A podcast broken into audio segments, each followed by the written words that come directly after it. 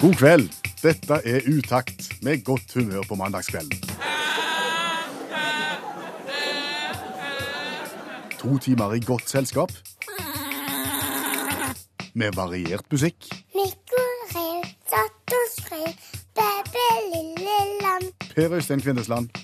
Og Bjørn Olav Skjæveland. Jeg erklærer herved Radioprogrammet Utakt. for åpnet. Jeg lurer på om du skal få fortsette jeg, med å ta formålsparagrafen for programmet Utakt nå før vi går i gang. Ja, Utakt er jo et direkte, direktesendt radioprogram som går hver eneste mandag fra 22 til midnatt. Og Utakt skal være godt selskap på en mandagskveld, og så skal vi prøve å skape godt humør. Ja, og Hvis vi får til det, så er mye gjort. Ja. Men i dag så er Utakt også mye mer enn det.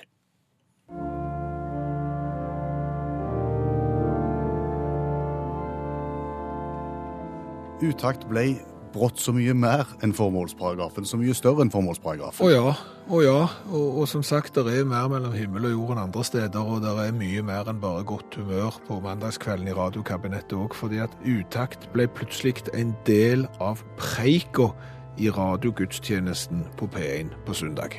La oss høre hva som ble sagt, og vi reiser oss. Utakt. Utakt er òg navnet på et radioprogram på sene mandagskvelder. Der må en greie to inngangsspørsmål for å delta i en konkurranse. Spørsmålet er hva heter du, og hvor bor du? Den som klarer å svare på det, får delta. Altså, det spørres etter en grunnleggende ærlighet om livet. Og programmet Utakt har en evangelisk premiering. Uansett bosted og status, uansett resultat, uansett utfall, premie blir det på alle. Slik med Kristus. Dette er sterkt og gripende, Skjæveland. Ja, og det er klart at som radioprogram å bli eh, tema i gudstjenesten eh, på en, på en søndag, det er jo eh, ganske sterkt. Og det er mulig, som du sier, at vi må oppgradere formålsparagrafen til programmet bitte litt, for nå er vi jo plutselig blitt veldig mye mer inkluderende. Og vi er jo rett og slett sammenligna med på en måte den romsligheten som Jesus viste sjøl.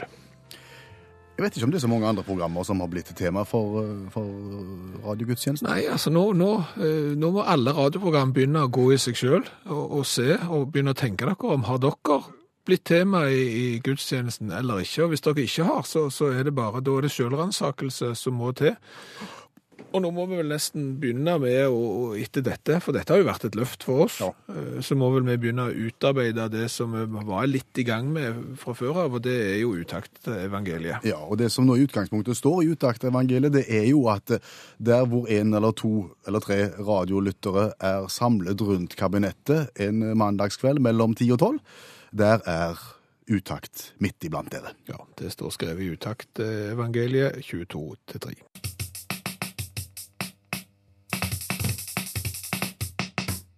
Og i dag så var undertegnede ute eh, på kjøpesenter, på kjempestor kjøpesenter, og der hadde julekalenderne kommet.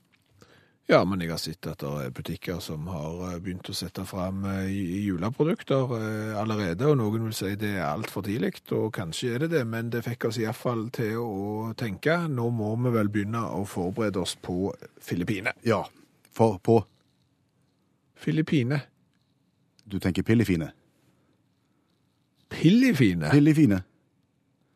Altså, jeg snakker om Filippine, det er litt eh, eh, Odde-spelet som går ut på noe med nøtter og veddemål.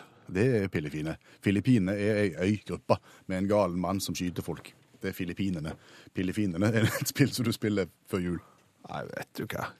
Det er jo ikke Men nå kommer det litt skjevt ut. Ja, nå kommer vi bitte litt skjevt ut. Ok, vi kan være enige om at vi nå skal diskutere dette litt eh, rare spillet som har utgangspunkt i nøtter, Ja. og som spilles opp imot jul. Ja. Og så heter det enten Filippine eller Pillefine. Ja, for vi tenkte det var greit å gjøre, gjør litt rede for reglementet der, nå før nøttene plutselig er over oss, og du ikke vet hvordan du skal spille. Ja, nøttene blir jo lange snart. Ja, det, de, de gjør det.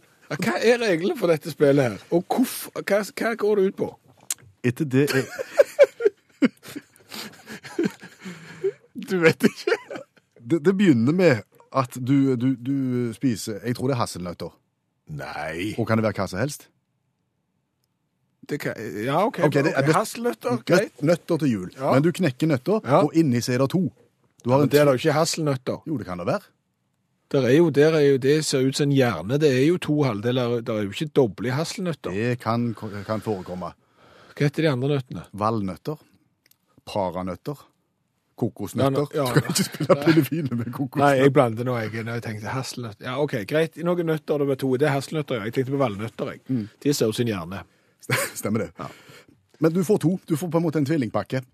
Og da er spillet i- i gang. Hva er spillet i gang, da? Ja. Altså, OK, ok, vi tar det helt fra starten av. På et eller annet tidspunkt, når nøttene er blitt lange før jul, Ja. så begynner du å spise nøtter. Ja, ja. Og i det øyeblikket du får en nøtt som har to nøtter inni seg, Ja. så er spillet i gang. Og hva skal du gjøre da? Jeg vet ikke. Da skal du si pillefine, skal du det? Eller Filippine? Mhm. Men til hvem? Nei, men det, det er et eller annet med at motparten skal, skal igjen få dobbelt ved en annen anledning. Og da skal, Da skal og da skal de si pillefine. Har vi glemt det helt ut? men, men, Ja, men altså, jeg, jeg For det første, jeg skj- skjønner ikke hva som skal skje her. Altså, det, altså, hva er det du vedder om, da? Er det sånn at det, OK, hvis jeg nå knekker ei dobbel nøtt og sier pillefine eller filippine eller et eller annet i den dur, så eh, skal jeg da si at eh, skal du være med på pillefinen? Ja. Og så blir vi da enige eksempel om at hvis, hvis du taper, så skylder du meg en sekspakning med Valnøtter. valnøtter, for eksempel. Og så Nei. Nei, så, så, så er det jo da når, når det oppstår igjen. Nei, vet du hva, dette blir bare tøys. Ja, men, det, men vi kan det ikke. Nei. Så dette må vi finne ut av. Ja. Og så må vi finne ut Altså, hvis dette her da er et nøttespill, Ja, det er det. Det er det nødt til å være. så er det jo Hvorfor er det da bare opp Altså, hva tid hvor tidlig kan du begynne med Filippine, og hvor seint kan du eventuelt slutte? Fordi at det, jeg vet jo det, og jeg liker ikke nøtter. Altså sånn, for jeg, De blir bare liggende der. Og så er det alltid noen gamle slektninger som skal begynne å knekke nøtter, og så har de dårlig kroppskontroll. Sant? For det første så klarer de ikke å knekke uten at det er nøtteskall overalt. Ikke klarer de å, å spise de uten at det henger fast i gebisset osv., og, så videre, og så blir det bare rot. Så Dermed så setter du ikke fram nøtter, og så blir de nøttene stående til de blir skikkelig lange. Og, og sånn sett så kunne du spilt da Filippine hele året, iallfall hjemme hos oss, hvis du kunne reglene. Som jeg ikke kan. Er Filippine litt som Gnav, på en måte? At du vet det fins? Ja, det er stopp for, stopp for Filippine.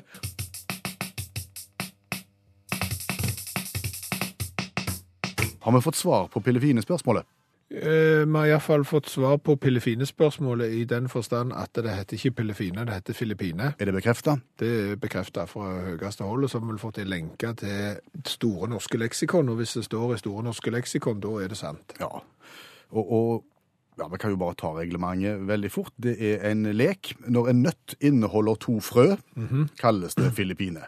Eh, Vanligvis har nøtter ett frø, nemlig. Ok. Eh, Det er en lek. Når man finner en nøtt med to frø, så spiser man den ene selv og gir den andre til en man vil leke med. Så gjør man en avtale om et tidspunkt, f.eks. neste gang man møtes. Og så er det om å gjøre å si Filippine først til den andre etter det avtalte tidspunktet. Og den som gjør det først, vinner en premie man har blitt enige om. Ok, men da spiller vi deg Filippine hvis vi da får ei nøtt, dobbel nøtt, og så sier vi at den første så sier Filippine etter 17. mai, den eh, vinner en sekspakning. Ja, Men vi har jo ikke fått nøtter Nei, men altså først får vi nøtter, og så er det etter 17. mai, for da blir det så langt på så Ja, vi spiser jo ikke nøtter. Det blir bare rot etter. Ja, men jeg tror vi har det da. Ja, men det går ikke an å spille det med egg, sier folk, fordi at det er to plommer i et egg. Filippine. Alt går.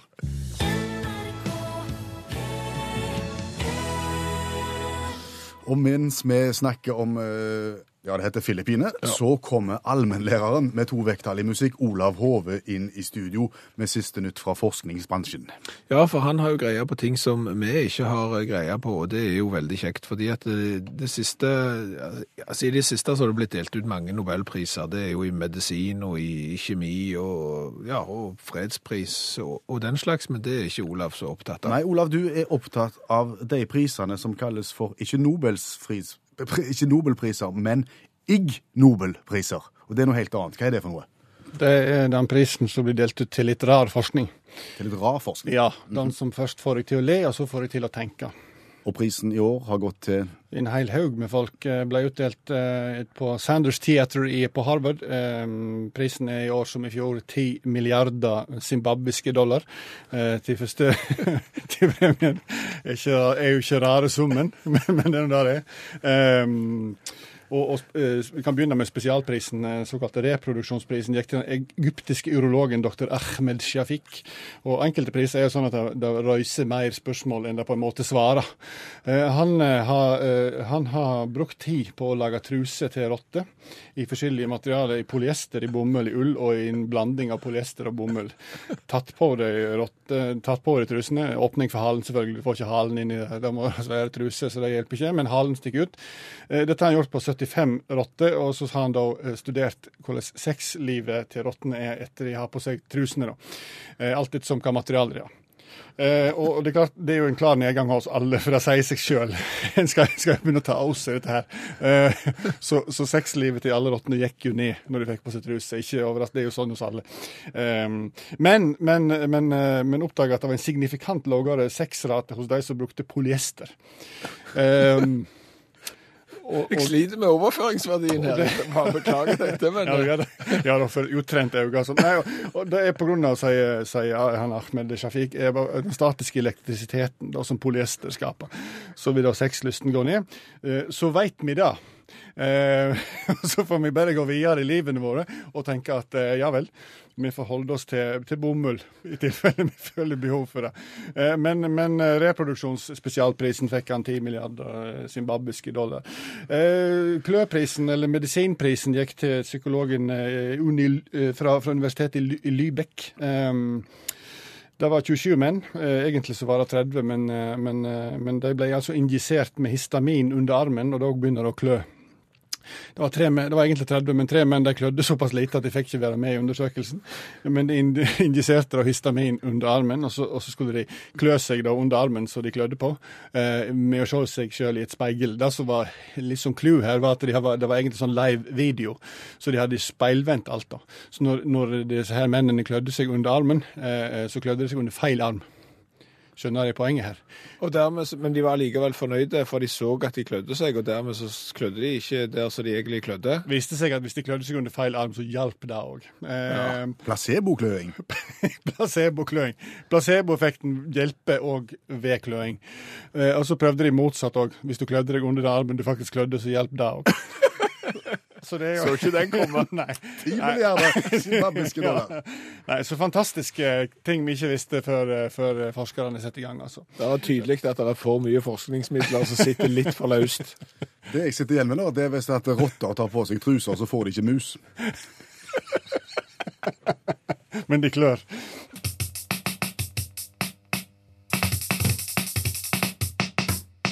Ja, og nå, etter det begredelige resultatet i Baku i Aserbajdsjan, så er jo diskusjonen nødt til å komme. Ja, eh, trenerdiskusjonen. Nei, nei, nei, nei, nei. Ikke hverken det eller laguttaket er spesielt interessant å diskutere nå. Det som er interessant å diskutere, det er kan vi få tilbake den måten vi så landskamper på når vi var små.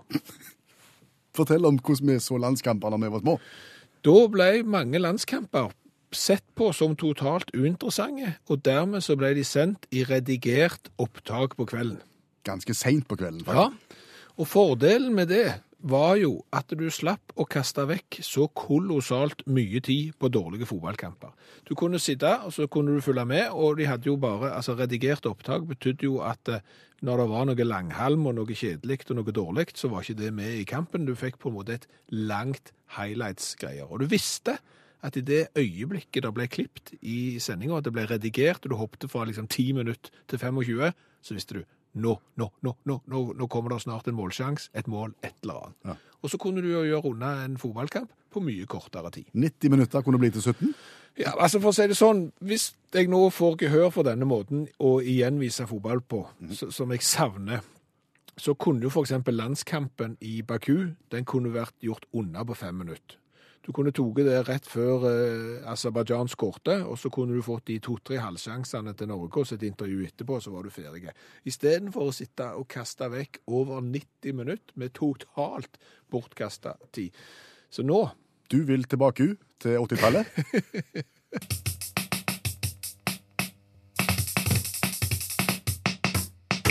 skal ikke jeg sitte her og være sur på Øystein og i dårlig humør, men jeg er bitte, bitte litt indignerte, bitte litt irriterte på at det er svært, svært mange som tror at Utakt bare er et tulletøyseprogram som prøver å skape godt humør og, og lott og løye på mandagskvelden, og ikke tar opp ting av substans, ikke graver seg ned i ting som er, er viktige å, å ta opp, og ikke tar sitt journalistiske ansvar på alvor. Nei, altså Samfunnsoppdraget ville jo vi hoppet bukk over dersom vi bare drev med, med, tant og fjas. Ja, Ja. Ja, Og- og det kan vi ikke gjøre. Nei, du kan ikke det. Og, og derfor har den siste uka ridd oss i, i redaksjonen som er Mara, Ja, oss to og alle de hundre gravejournalistene som vi har bak oss. Som er tilknyttet redaksjonen. Ja, eh, vi har jo, vi har jo jobbet tidlig og seint, og, og seint og tidlig, og, og litt midt på dagen òg. Ja. Har vi jobbet. For uh, vi slengte jo ut påstander i forrige program om at uh, vi følte uh, at taxfree-varer på båt var billigere enn taxfree-varer på flyplass. Ja, Og det blir flåsete bare å slenge ut. selvfølgelig. Det Kan du ikke bare gjøre. Nei, det, det kan du få tilbake som en bumerang hvis, hvis ikke du går grundig til, til verks. Og det har vi jo gjort. Ja, Vi har ikke brukt 100 gravejournalister, vi har gjort det sjøl. Ja, de hundre, de, det var bare noe jeg tøffa meg med, men, men vi har gjort det sjøl, ja. Og vi har brukt internett. Flittig. Ja, det har vi gjort. For det er nemlig sånn at flyplassene de ligger ute med prislister for hva de kan tilby i sin taxfree-butikk på internett. Og de som driver og opererer med ferger i rom sjø, I Skagerrak, eksempel. for eksempel, de har òg lagt ut eh, prislister på sine ting. Og dermed så blir det veldig, veldig Enkelt. ja, det var, Vi skulle ikke sagt det. Nei. Dermed så blir det en jobb. Ja, det blir, ja, det blir en jobb å, å sammenligne prisene. Ja. Ja. Og det har vi gjort. Det har vi gjort. Ja. Og, og vi har jo lyst til å sjekke de produktene som vi gjerne er glad i sjøl. Ja, eksempel melkesjokolade. Absolutt eh, melkesjokolade. Og hvis du f.eks.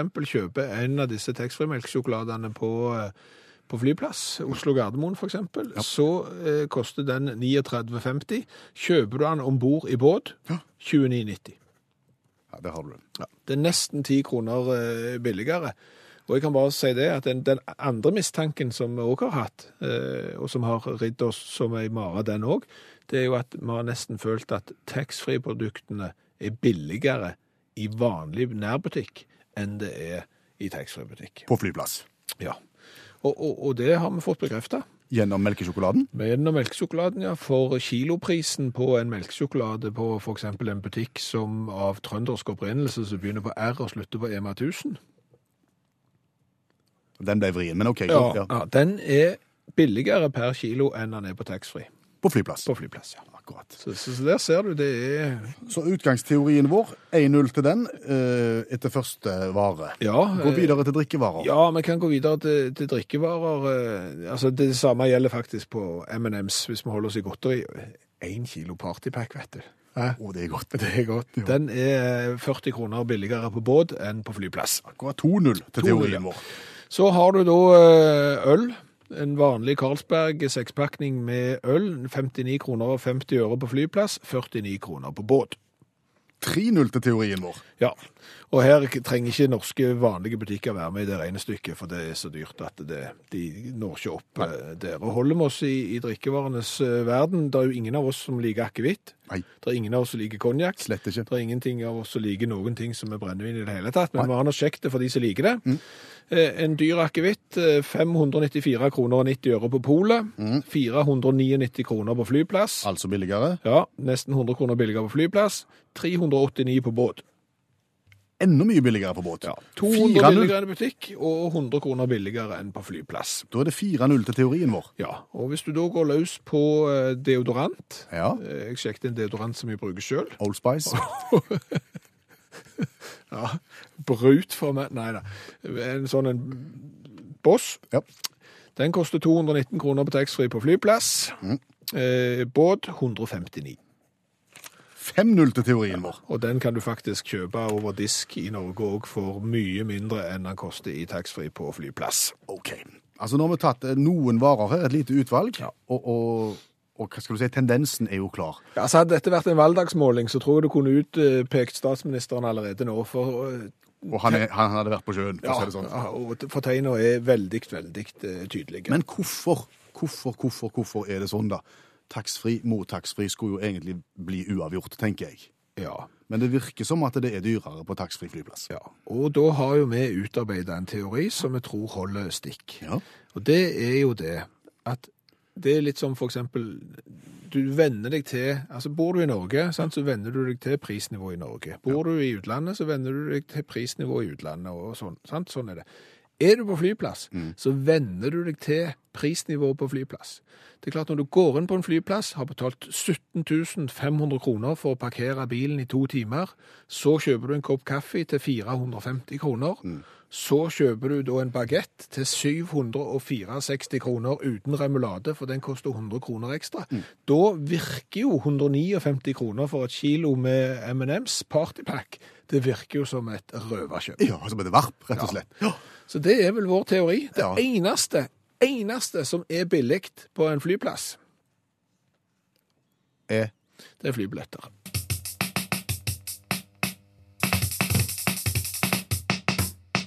Du skal vite det at Utakt er programmet der vi gjør hverandre gode. Hvis vi kan hjelpe hverandre fram til et godt resultat, i alle sammenhenger, så gjør vi gjerne det. Ja, for vi har jo opplevd det sjøl mange ganger å komme til kort. Vi føler oss litt små og uanselige fordi at eh, kunnskapsmessig så strekker vi ikke til. Nei, gjerne i forbindelse med klassikere i, i litteraturen som vi skulle ha lest. Ja, og så vet vi det at vi har ikke lyst til å lese de. De fremstår som kjedelige. De er, det er altfor mange sider i de, eh, og egentlig så har vi mest lyst å lese krim. Men så har vi ikke lyst å, å fremstå som om vi ikke er spesielt inkle, Smarte. smarte, ja. Eh, Så dermed så har vi jo klekt ut en genial plan for hvordan vi skal fremstå som in. For smartere enn det vi er. Ja. Vi har utvikla en metode i samarbeid med forfatter og litteraturviter Janne Stigen Drangsholt. Sammen med henne så går vi gjennom kjente klassikere, men vi gjør det lynende kvikt og effektivt. Og plutselig så fremstår vi som om vi kan de.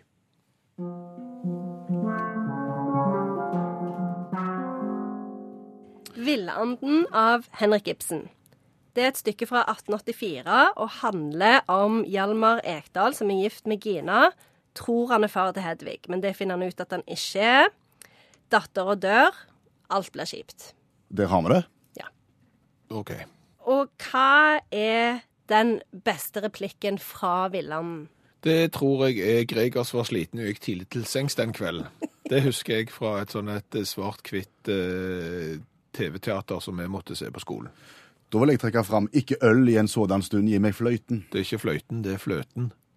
Det er fløyten. Nei, for sant, du ble jo tilbudt noe å drikke, og så vil du ikke ha øl. Da, du vil heller ha fløte. Du vil jo ikke kom... Altså, pils versus fløyte, vær greie. Det handler jo om drikkevarer. Nei, Han vil spille, han er glad og lett til sinns. Ja, da vil du iallfall ha pils. Eh, Nok om det. Nok om det. Jeg føler dere har trukket veldig mye spennende ut fra dette stykket, men det er jo dette med livsløgnen. Hva er det sitatet? Dette kan dere. Tar man livsløgnen fra et gjennomsnittsmenneske, så tar man livslykken fra det. Ja. Og det er jo stykket oppsummert i et nøttskall. For det er jo det som er eh, på en måte symbolikken òg med Villanden, altså tittelen. Eh, fordi at med Villanden, den er, jo, den er jo fri, for den er jo vill. Eh, og vi tror kanskje at vi er frie, men egentlig så er vi fanga av våre egne liv. Eh, men det er jo ikke sikkert at vi har lyst til å vite at vi er fanga. Eh, kanskje vi har bare lyst til å leve i fantasien om at vi egentlig er frie. OK, så vi har lyst til å leve i den villfarelsen at vi er far til vårt eget barn, når vi ikke er det. Ja, blant annet. Og her er vi jo litt tilbake. Vi kan jo tenke litt tilbake til Ødipus. Sant? Ødipus hadde det jo kjempefint så lenge han ikke visste at han var gift med mora si. Så, men når du tok den livsløgnen vekk, så ble det bare å pelle ut øynene og vandre ut i ødemarken. Vi kan ikke stikke under en stol at minnene om villanden fra skolen de er ikke spesielt gode. Det var triste greier. Men egentlig, er det noe du anbefaler? Bør vi lese det? Ja, jeg syns det. Og det som er med en del av de tekstene som en leser på ungdomsskolen og gymnaset, er at det er ikke sikkert at det er riktig tidspunkt. Altså Det kan være at det er noen tekster som er bedre å lese når en har modna litt. Fått litt erfaring og, og blitt litt eldre. Så det jeg vil anbefale eh, å lese Villanden. Eh, og den, eh, altså Hvis vi går til hvem blir mest imponert av at du har lest Ibsen, så er det jo helt klart juristene og næringslivslederne. Altså folk som setter pris på tradisjoner og eh, tradisjonsrik kulturell dannelse. Eh, og eh, jeg tenker at det er litt de samme som blir imponert av at du har lest Hamsun. OK, så hvis jeg da møter opp i tweeddressen min med tweedvesten og matchende slips, brunt belte og brune sko, eh, så klarer jeg å lyge meg til at jeg har lest Villand hvis jeg bare sier at dette handler jo om denne livsløgnen, eh, og at Gregers ble sliten gikk tidlig til sengs. Og så det med fløten. Ja, selvfølgelig. Tusen takk, Janne Stigen Dragsholt, som er forfatter, litteraturviter, eh, hjelpetrener i friidrett og medlem av FAU.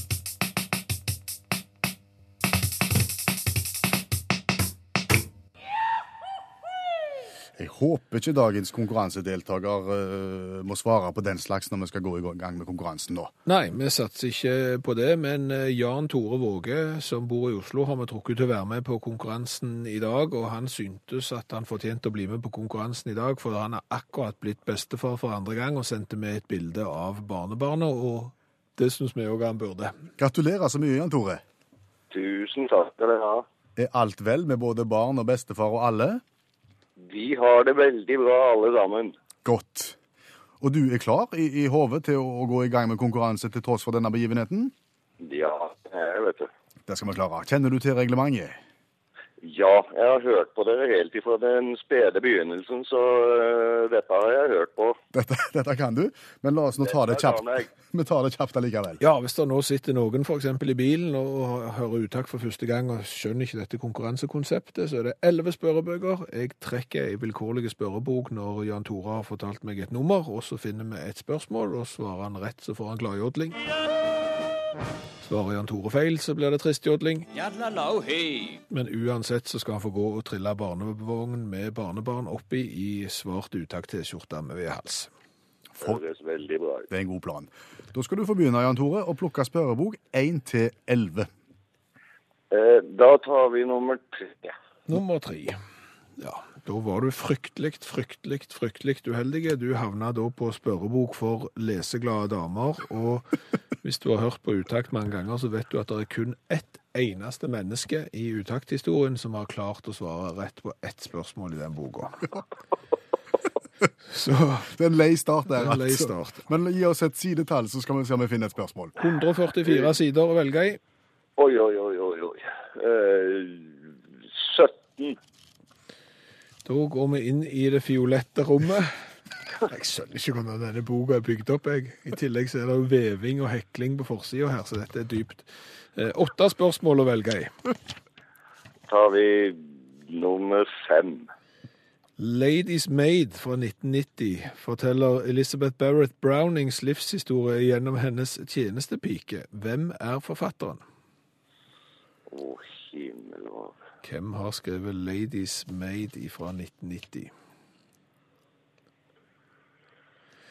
Har ingen aning. Kan vi hjelpe? Ja, selvfølgelig kan vi det. For nå, har, nå har du blitt bestefar i dag. Eh, ja. blitt bestefar nå nettopp. Ja, Og- og er 14 klart- dager. Nei, en måned siden. Ja, og det er klart dette, Før dette barnebarnet kom ut til verden, så hadde jo det en plass inni magen. Og når det var bitte, bitte lite, sånn på størrelse med ei ert og tre, så, så var det jo Kalles det jo det noe annet. som begynner på F og slutter på Oster. Foster. Se det. Ja. Margaret til fornavn har skrevet denne boka. det, er- Det, det løser seg sjøl, dette. Jeg må si jeg aldri har hørt om den, men eh, den er god. Ja, den er veldig bra. da noterer du den, Jan Tore, så har du den til neste gang. Ja, det, det tror jeg jeg skal gjøre. Ja.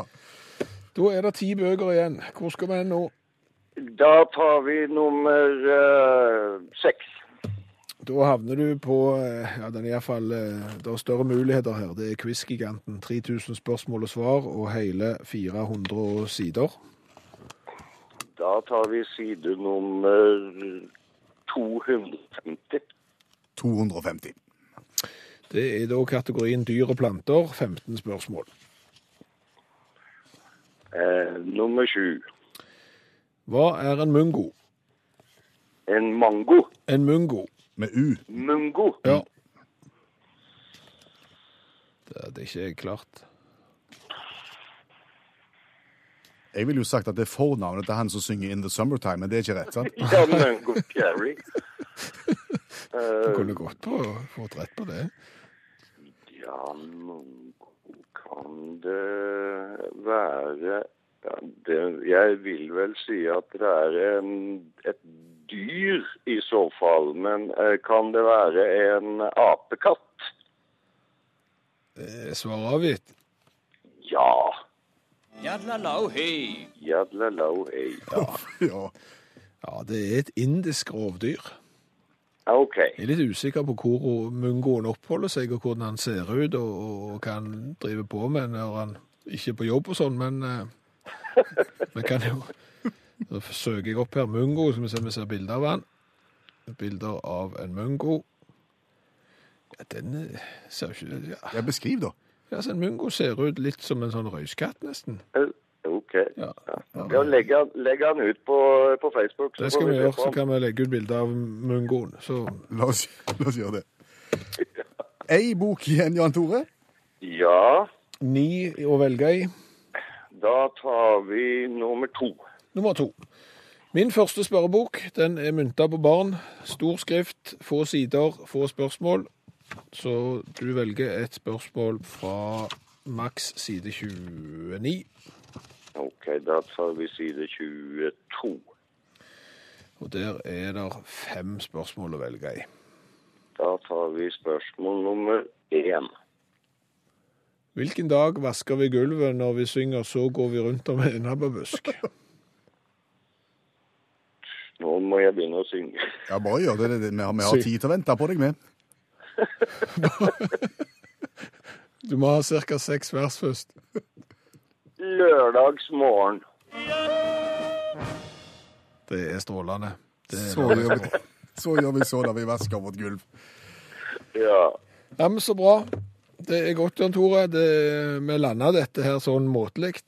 Ja. Ja, jeg syns det. Jeg syns vi var gode. Ja, og hvem hadde Ja. skrevet denne boka som vi ikke husker? Nei, hvem har skrevet den boka? Ladies Maid 1990. Bare for å kontrollere om jeg Ja, har fulgt med. Ja, det var Foster. Det var Foster, det. Ja, Det var. Foster. Det er bra. Nå kommer du aldri til å glemme det igjen. Vel, Aldri i livet.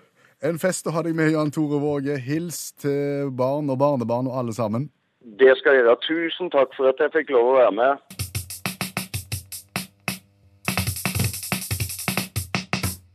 Utakt er det radioprogrammet i verden som har smakt på flest cola fra flest land. Tror vi iallfall sjøl, men vi gjør det ikke fordi at vi syns det er kjempekult. Vi gjør det rett og slett fordi at du gjerne skal ut og reise, liker cola, og ikke vet hvilken cola du skal drikke i hvilket land. Nei, og Du skal vite at det er en jungel der ute. Når vi begynte med dette, her, så tenkte vi at vi kommer til å holde på en måneds tid. Nå har vi holdt på i åravis, for det er så enormt mange varianter. Og Utakt sine verdens beste lyttere sender oss cola fra hele verden. Ja, i dag så skal vi til Spania. Vi skal til Freist Frised Cola. OK? Og, og, og det er Jeg er alltid bitte litt skeptisk når vi skal gå løs på sånne colaer som eh, det, fordi at du finner særdeles lite informasjon om de, og når du da begynner å lete litt etter hvem som har tapt de, og hvor han er lagt og sånn, så finner du ut at dette her er Altså, de lager cola på oppdrag. Jaha. Ja, de lager drikkevarer og andre varer òg. De er store på øl, f.eks. Vi skal rett og slett til Font Salem i, og byen Salem i eh, Spania. De lager på en måte på oppdrag. Så dette her er en Oppdrag, cola for- oppdrag for hvem? ja, så dette her er en cola da, som blir solgt av supermarkedskjede, for eksempel. Akkurat. Da har de sin, sin egen merkevare, som de på en måte, kan du lage den colaen for oss? Ja, hva skal vi kalle den? Nei, vi kaller den for for eksempel. Men sjansen for at du på din tur til Spania møter på nettopp den colaen, den er jo ganske stor. Ja, det er jo det. Så må vi jo ta den for oss. Selvfølgelig er den stor, fordi at hvis du er sånn som jeg og deg, eksempel, så har lyst til å prøve andre colaer, og som er prisbevisste, så er den sannsynligvis ikke dyre heller. Nei. Så da kjøper du jo en liten Palle. bunke. Ja. Er du klar? Jeg kan beskrive den. Det er en rød boks. Ja. kjempeoppfinnsomt når det gjelder cola. Så er det bilder av isbiter på, og så står det Freist med hvite, vanlige bokstaver. Ikke noe fancy i det hele tatt. Nei, og de, ikke, de har ikke prøvd å etterligne logoen til den originale på noen måte. Men vi begynner med smaken. Det gjør vi. Og gjør som vi alltid gjør, vi gir karakter fra 1 til 10. Og så tar vi designet etterpå. Vær så god. Takk for den. Spansk. Friset cola. Friced cola.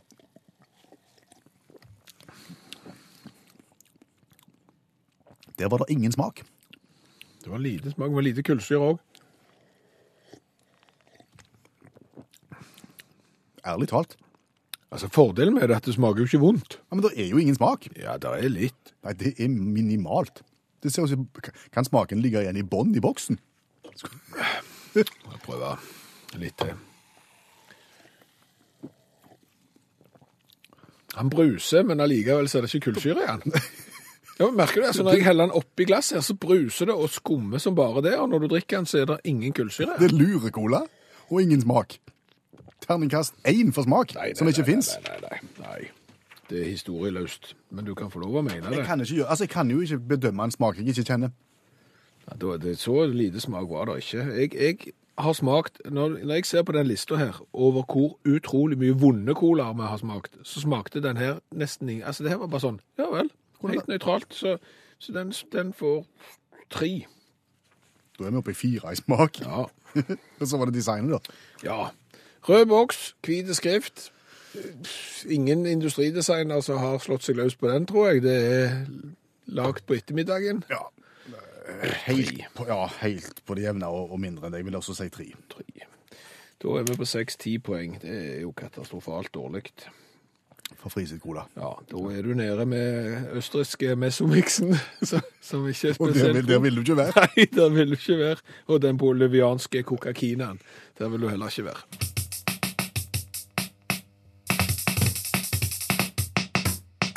Og nå tenkte jeg vi skulle stille følgende spørsmål. Hva gjør du hvis du har kjøpt en vare på taxfree? Vi har snakket om taxfree tidligere i programmet. Og så finner du ut at den varen den er ikke så bra som den burde vært. Det finner du ut når du kommer hjem. Har du da noen sjanse til å gå noen plass og reklamere? Altså, altså med en reklamasjon? Og få gjort noe med dette her? Interessant spørsmål, og det kommer fra Leif, for eh, Leif hadde kjøpt seg gammeldansk. dansk. Det er jo da Det er brennevin. Ja, det er brennevin, og det er ikke godt, men Leif liker det tydeligvis. Ja. Bortsett fra den flaska han hadde kjøpt da, for den var ikke god, og, og eh, da troppte han opp på et vanlig vinmonopol og, spurte om å få lov å bytte han der, og det sa de ja til, helt til han kom i kassen, da sa de nei. Bryskt, nei, faktisk. Ja. Og da spør jo Leif hva, må, hva kan jeg gjøre? Altså, Må jeg skaffe meg en ny utenlandsbillett for å komme meg opp igjen i den samme taxfree-en jeg var? Eller hva rettigheter har jeg?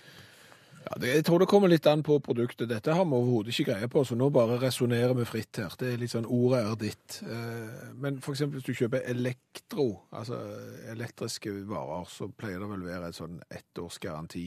Internasjonalt. Ja. Eh, Så da må du vel kunne ta kontakt med eventuelt det norske kontoret, og så sier du jeg kjøpte det på Gatwick, dette her, og så ordner det seg. Men det varer sikkert ikke mer enn ett år. Litt verre tror jeg hvis du kjøper deg skinke, eksempel på danskebåten. Produsert av Slakter Vinter i, i Hirtshals? Ja, for eksempel. For, for, hva gjør du da, ja? Nei? Du kan jo ikke ringe. Kan du bare, må du kjøpe deg liksom sånn dagsturbillett tilbake igjen med Colørline-linjen eller Fjordlinjen eller noe sånt, så Du gjør jo ikke Du det. gjør jo ikke det. Nei, men du tenker, men, men blankt brennevin, som, eller det er ikke blankt engang heller, når det er gammeldansk antageligvis, eh, dette har jeg ikke så mye greier på, men det er jo et, et internasjonalt merke som det går an å få på pol over store deler av Skandinavien i alle fall. Ja. Eh, det burde jo være mulig å kunne gå der, tenker jeg. ja Men tydeligvis ikke. Tydeligvis ikke. Det er jo litt eh, hvem som har ansvar eh, for det. Og for eksempel hvis du da kjøper noe på flyplass, så skal du inn i den der internasjonale avgangshallen for å få lov til å kjøpe noe, og der slipper du jo ikke inn hvis du skal bare inn og bytte. Du, jeg kjøpte en deodorant, og for å si det sånn, den lukter ikke godt. Nei. Da slipper du jo ikke inn igjen der. Nei. Nei, så det er klart at det, igjen, det viser seg at de som driver med taxfree-varer, de får bukta og begge endene og alt i sammen. De sitter jo ikke med reklamasjonsansvar i det hele tatt.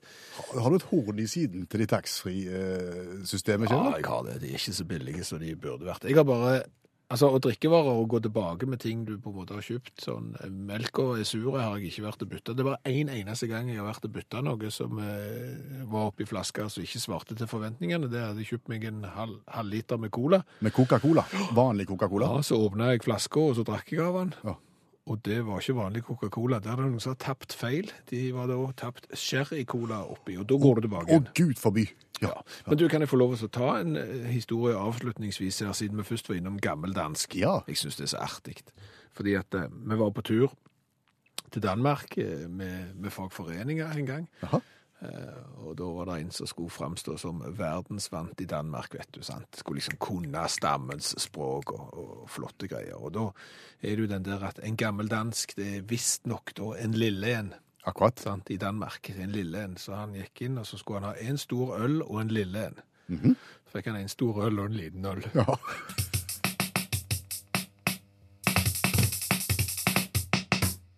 Allmennlæreren med to vekttall i musikk, Olav Hove, som er opptatt av priser denne mandagen, her, men ikke nobelpriser. Nei, Ig Nobel-priser, og Ig Nobel-prisen det er jo den årlige prisen som gis ut for å få oss til å le bitte litt, men òg for å få oss til å tenke. Ja, og hvem har fått ignobelpriser Ig Nobelpriser i år, Olav? Av de kjente så fikk jo Volkswagen kjemiprisen i år, fordi at de har funnet opp biler som forurenser mindre når de blir testa. Og kunne Det er jo en eh, artig pris å få, men som eh, juryen sa, en forholdsvis dyre pris. For deg. Eh, kinesiske forskere sjekka hva det gjør med synet ditt når du ser gjennom beina dine. Si hvis du står på to bein, bøyer deg ned og ser bakover gjennom beina. Viser seg at avstandsbedømmelse er du dårlig på, da. Så veit vi det. Um, Hvordan kommer du på at du skal Vent da, vi må finne noe å forske på. Må, altså Hvis ikke så må vi begynne å jobbe. Hva skal vi forske Det på? har jo med amerikansk fotball å gjøre, vet du, for da skal du stå sånn, så skal du kaste ballen bak. Og, og da får du dårligere avstandsbedømmelse. Akkurat. Jeg vet ikke, jeg, altså. Det er sikkert nok slikt, da. Men, men før du går videre, altså, Ja. det framstår jo som tøys veldig mye av dette her. Ja, ja, men. Men, men de som forsker på dette her, mener de alvor? Ja, det er klart de mener alvor, og det er jo, det er jo litt av poenget med å få Nobelprisen òg, for det skal være liksom et alvor i det. Det skal ikke bare være vas, liksom. Men så, så, så polyestertruse til rotter, det er jo et poeng, liksom. Statisk elektrisitet er ikke så sunt der nede, fordi det er visst overførbart, osv. Og, og, og biologiprisen i gikk jo til Charles Foster og Thomas Thwaite fra um, England. Foster er etiker og veterinær, og, og Tveite teknolog. Da. De eh, har fått prisen for å ha brukt masse tid på å ikke være menneske. Tveit han hadde lyst til å kle seg ut som elefant og leve blant elefantene. Så kunne jeg ha sagt til han at det er ikke så lett hvis du skal kle deg ut som en elefant i normal størrelse og leve blant dem. Det er tungt, vet du, Tveit. Men, men eh, også eh, etter å ha tenkt seg en stund, så fant jeg ut at det er ganske farlig å kle seg ut som elefant og gå blant. Og så er det tungt. Tveit er ikke teit. Nei, Tveit er ikke teit. Så han, eh, han slo seg til ro med geit. Tveit. Eh, Og Tveit er ikke geit heller. Nei, men Tveit ville være geit. Og han fikk produsert proteser og, og trente mye på å være geit. Og så tilbringte han da eh, tre dager med en geiteflokk i de sveitsiske alpene, åt gress og prøvde liksom å bli en del av gjengen. Ehm, Mye bra bilde fra den eh, seansen der når han eh, eh, ligner ikke på geit, men han har fire bein, og så har han sånn utforhjelm. Jeg vet ikke hvorfor han har utforhjelm, men det har han iallfall. Det er vel fordi han skal stange med kompisene sine. Ja, ja, ja, altså, men så lærte han enormt mye, da. Eh, Det er forskjell på mennesker og geiter, sa har han funnet. Eh, Det visste vi jo før òg, til tross for at de har ganske likt skjelett, visstnok. Eh, eh, Men så tror han da å leve som geit kan bli den nye mindfulness-metoden. At vi betaler store penger for å reise til Alpene og leve som geit, så, så vil vi komme mer i kontakt med oss sjøl. Og så har han funnet at det er tungt å være geit. Å Gå på fire bein. Eh, Og han kompisen Foster han prøvde jo, han tenkte litt utover, så han har levd både som grevling, oter, rev og rådyr. Eh, uten bekledning, da, men han han har på en måte prøvd å gjenskape eh, det å være spist mark og sånne ting. Gravd i jorda med nesen. Eh, hvordan, han tok oter, vet jeg ikke helt, men eh, da må det være en del dykking, liksom. må være en del bakoversveis. Plutselig så framsto det å leve som Mowgli som en ren eh, Ja. luksusferie. Men jeg tenker hvis du skal leve som rådyr i, i den gata jeg bor i, så er det omtrent akkurat som mennesker. De spankulerer rundt i gatene og inne i garasjer og leter etter småting de kan, de kan smake på. Eh, men det han fant ut, da, at, at vi opplever bare 20% av naturen, i, i og med at vi mennesker for vi er så voldsomt fokusert på synet. Så han anbefaler egentlig alle å prøve å leve litt som oter, rev eller grevling. Eh, og for da fikk han da en haug med zimbabwiske dollar. Eh, så vet vi det. For det er det som er belønningen dersom du stikker av med en Ig Nobelpris. Ja. Da får du ti milliarder zimbabwiske dollar. Omregnet til norske kroner cirka. Ja, 75 øre. Om oterne på, på kvelden når de sitter og skal kose seg, om de spiller vrioter, da. Den er såpass svak, ikke vel? At du det var flaks at han kom med. Ja, jeg, jeg, jeg, jeg angrer på at jeg sa det. Skal ikke si det igjen. Hjertelig takk, Olav Hove, allmennlærer med to vekttall i musikk.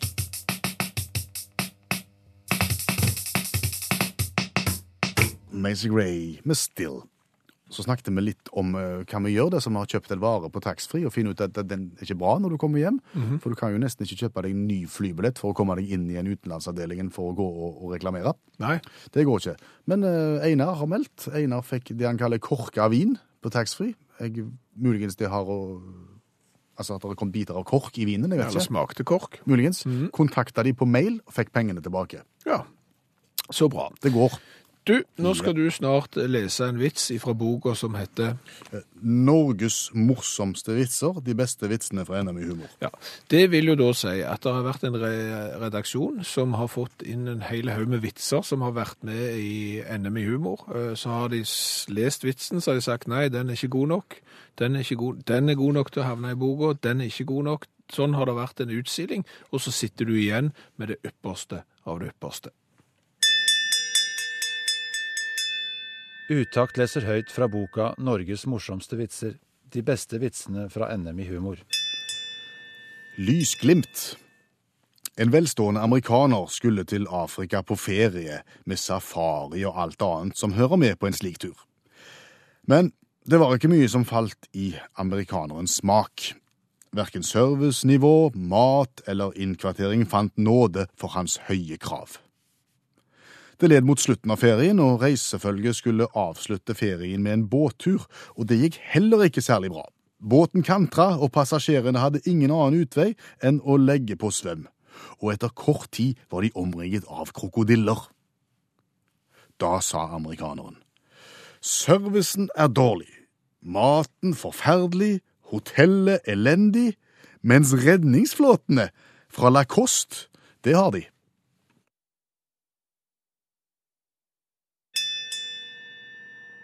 Du har hørt Utakt lese høyt fra boka 'Norges morsomste vitser'.